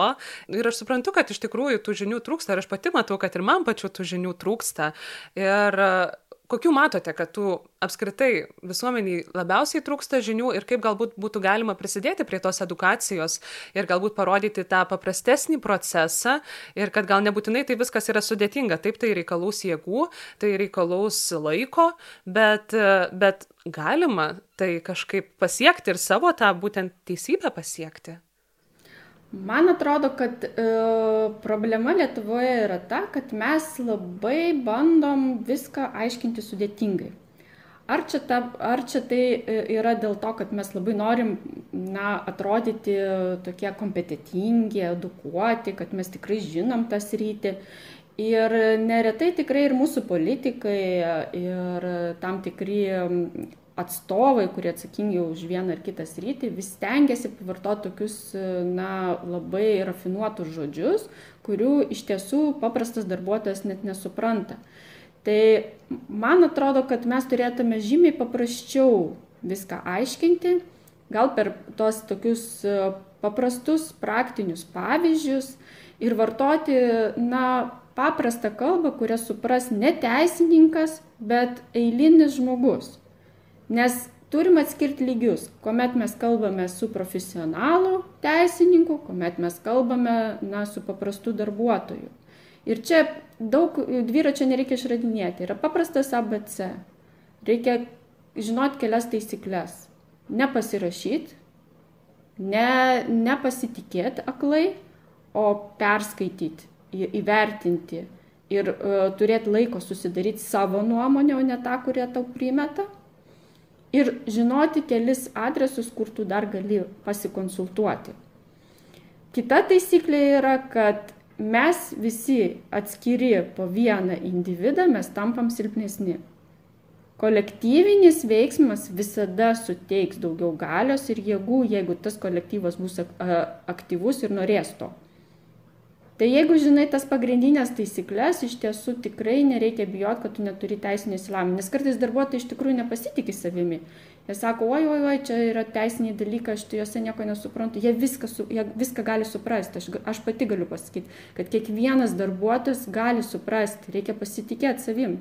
Nieko ten sudėtingo nereikia, reikia tiesiog išversti į normalią žmonių kalbą ir e, normaliai aiškinti tas nuostatas e, taip, kaip jos realybėje egzistuoja ir yra suprantamos. Pabandykim tais tokiais paprastais žodžiais apskritai um, nuo pat pradžių pasikalbėti, ką daryti žmogui, kuris gavo įspėjimą, kad jis bus atleidžiamas iš darbo. Kokie turi būti patys tie pirmieji žingsniai, ką jis turi daryti? Pirmiausiai, kaip jis gavo įspėjimą, labai labai svarbu, tas pirmas žingsnis. Ar tiesiog e, darbdavys pasakė, kad kraukis daiktus ir tu nuo rytojus nedirbsi, ką mes irgi gaunam tokių užklausų, iš tikrųjų vyksta. Ar darbdavys e, pakvietė tave į kabinetą ir sako, greitai rašyk savo norų, Tai ar iš tiesų tai yra raštiškas įspėjimas, kad pagal tam tikrą darbo kodekso straipsnį dėl tokių tokių priežasčių jūs busite atleidžiamas. Tai ką reikia žinoti? Pirmiausia, darbdavys turi raštiškai kreiptis į darbuotoją. Ir ne tik pasakyti, kad jis ketina įspėti dėl atleidimo tame rašte, bet darbdavys taip pat turi motivuotą na, paaiškinimą pateikti darbuotojui, dėl kokių priežasčių jis yra atleidžiamas net jeigu mes turime darbo kodekso straipsnį, e, kai darbdavo valia su šešiom išeitiniam gali atleisti darbdavys bet kada darbuotoją, egzistuoja ta pati taisyklė, kad darbdavys turi turėti argumentuotą paaiškinimą, dėl ko vienas ar kitas darbuotojas netinka tame darbe.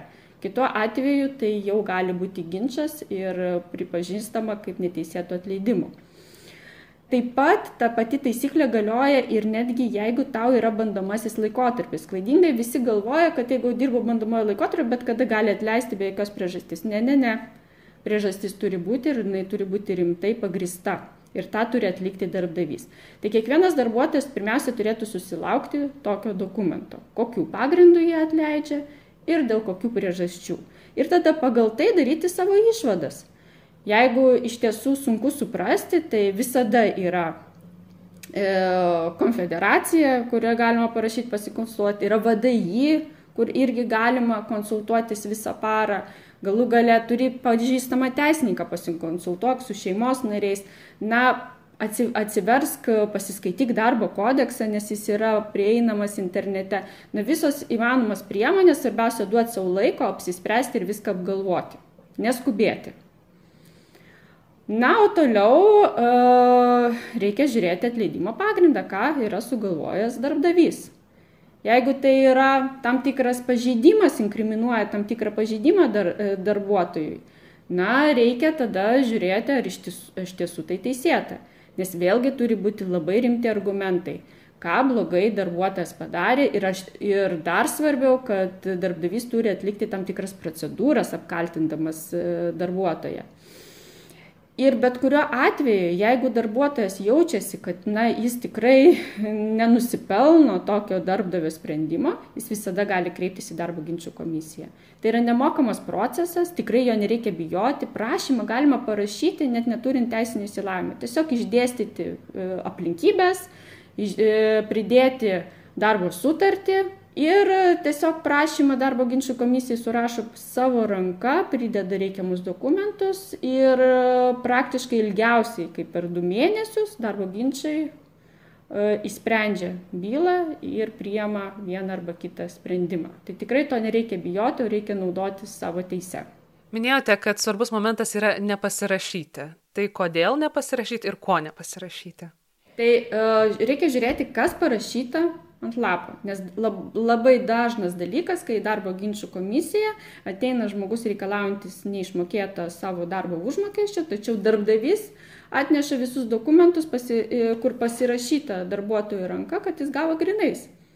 Nors dar, darbuotojas sako, sako, tai man davė ploštą dokumentų, aš pasirašiau, aš net nežiūrėjau, kas ten yra, bet aš pinigų negavau. Viskas, ir niekur negausi tų pinigų, nes tu pasirašėjai, dėl to turi skaityti. Lygiai taip pat sutartis. Net tos smulkiausios, čia žinot, kaip mes juokaujam, kaip yra banko sutartis, ne, reikia būtinai skaityti, kur smulkiausios raidelės surašytos, nes ten pagrindinė informacija ir yra. Tai lygiai taip pat ir darbo sutartis. Tai tikrai darbo sutartis tai nėra atlyginimas ir darbo valandos. Ten yra daug svarbesnių dalykų pačiam tekste. Tai materialinė atsakomybė, tai įvairios baudos už vienos ar kitos uh, informacijos atskleidimą ir dar įvairiausių kuriozinių dalykų. Kad pavyzdžiui, tu gali tave nusiųsti kokius kursus, o tu po to turėsi už juos susimokėti išėjimo dieną ir panašiai ir panašiai. Dėl to reikia skaityti, ar tikrai tos sąlygos jums tinka, ar jos yra adekvačios ir, na, ar jos e, kompensuoja tą atlyginimą, kurį jūs gausite.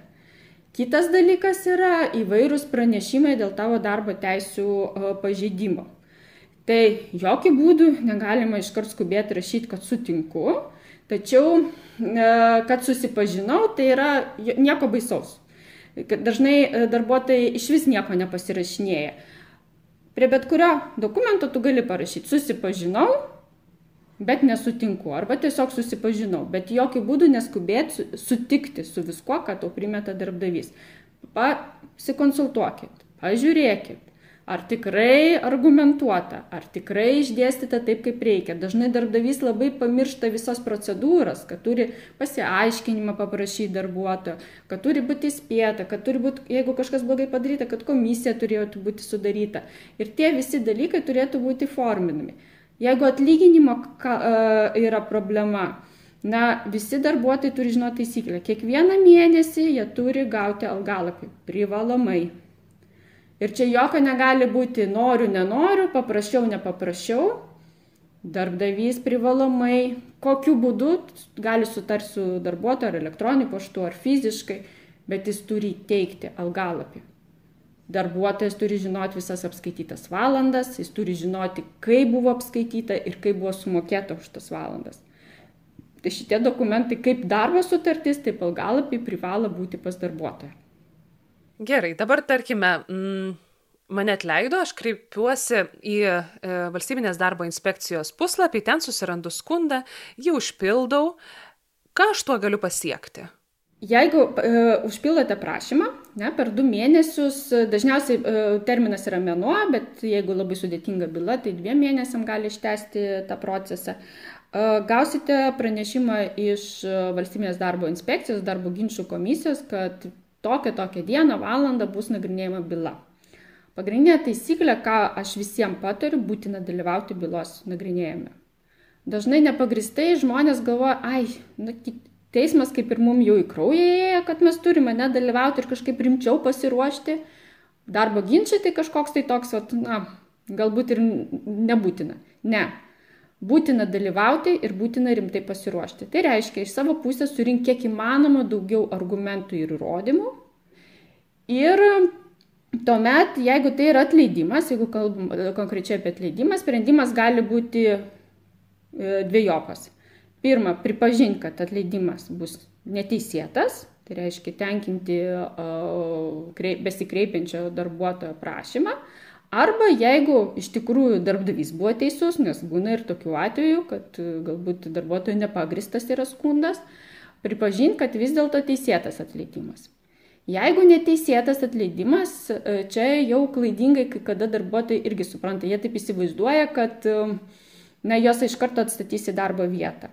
Deja, naujas darbo kodeksas to nenumato, Ir daugiausia, ką gali išpešti iš šito proceso, tai uh, bus pri, priteista iki to sprendimo visas tas laikotarpis, kuomet darbuotojas buvo nedar, ne, nedarbe dėl darb, darbdavio kalties, nes jis jį atleido.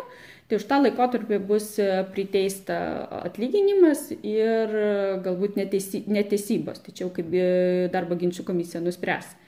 Tuo tarpu, jeigu darbdavys paprašys negražinti darbą, jis tokią teisę turi. Tuomet e, darbo ginčių komisija tiesiog e, nusprendžia negražinti darbą. Tai vad šitą niuansą reikia žinoti, kad ne visi grįžta į savo darbo vietas po šito proceso. Tačiau e, Na, pliusas yra tame, kad yra sumokama už tą laikotarpį, kada priverstinai darbuotojas negalėjo atlikti savo pareigų. Ir ką reiškia apskritai tas sugražinimas, kai tu pradedi darbo ginčą su savo darbdaviu?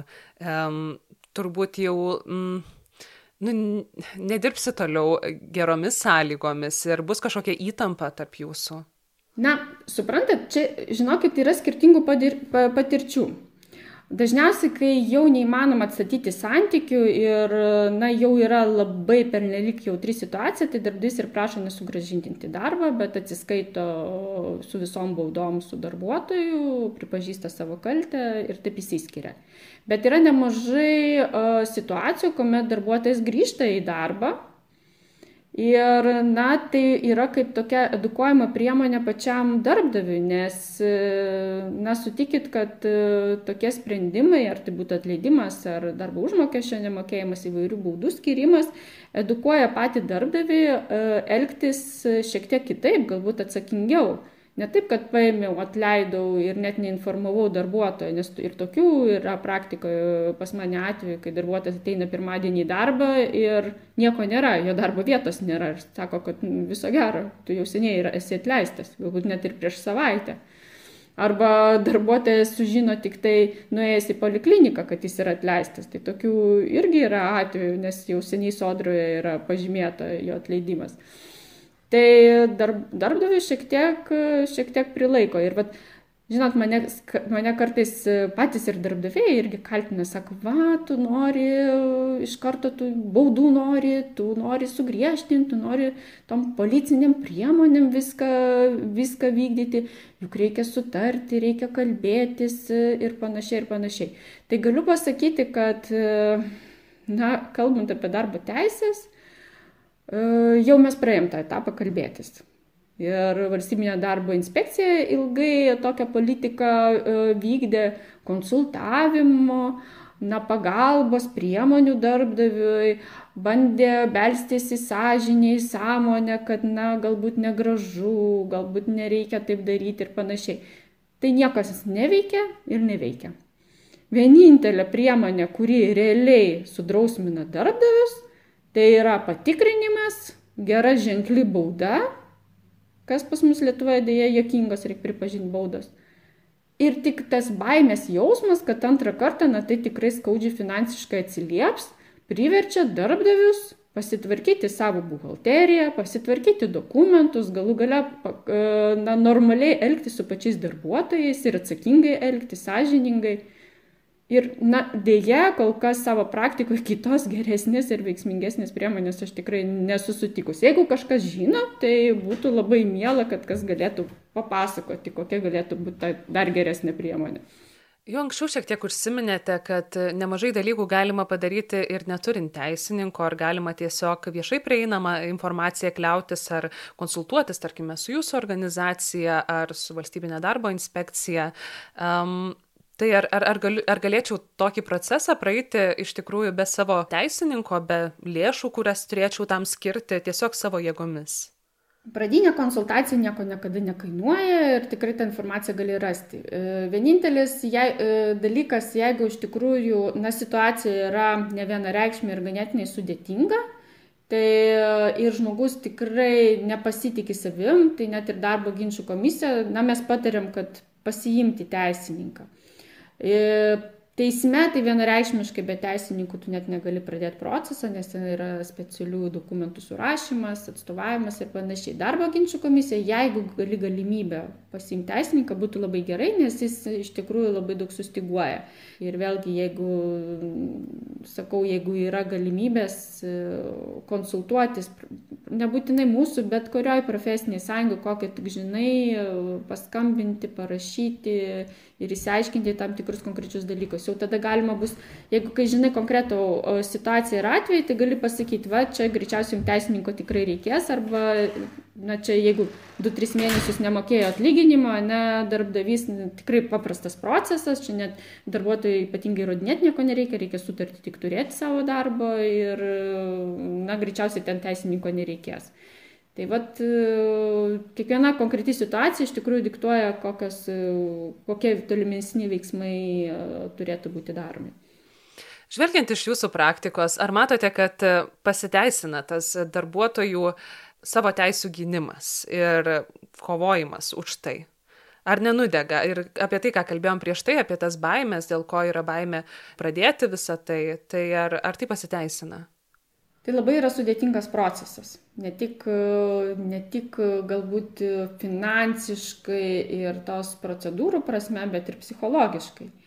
Ir be abejo, kad turime ir tokių atvejų, kuomet na, darbuotojai nelaimi, darbuotojams nepavyksta įrodyti savo tiesos ir tai iš tikrųjų jų motivacija labai uh, žemina ir net aplinkiniai, matydami tokius pavyzdžius, na, dar labiau pradeda nepasitikėti savimi. Tačiau tai matyti užgožia tie e, gerieji pavyzdžiai, kuomet tikrai yra nemažai e, darbuotojų, kurie na, apgina savo teises. Visai neseniai atsiuntė darbo ginčių komisijų ataskaitą už praeitus metus. Ir kas čia, kas čia iš tikrųjų labai įdomu, kad um, Buvo, buvo, buvo prašymų patenkinta, e, įsivaizduokit, gauta prašymų 7 tūkstančiai, apie 7 tūkstančius, tuo tarpu prašymų patenkinta yra apie 5 tūkstančius. Ta prasme, e, reiškia, yra pakankamai didelis procentas, kuomet tu kreipiesi ir tavo prašymą darbo ginčių komisija patenkina. Tai negali sakyti, kad daugelis atvejų yra nesėkmingų ir kad čia tikrai neverta tą daryti. Tikrai verta daryti, tačiau reikia tam pasiruošti. Ir dažniausiai dėl ko prašymą netenkina, dėl ko yra tam, tikri, e, tam tikros problemas, tik dėl to, kad na, darbuotojai nepakankamai gerai pasiruošia e, procesui ir nesurenka tam tikrų įrodymų, neteina iš visi procesą, neteina į savo e, prašymo nagrinėjimą, kas, na, iš tikrųjų atrodo labai labai keistai, Ir darbo ginčių komisija tuomet gali ir atmesti tos prašymus, gali ir nenagrinėti, jeigu iš tikrųjų ieškovo nėra.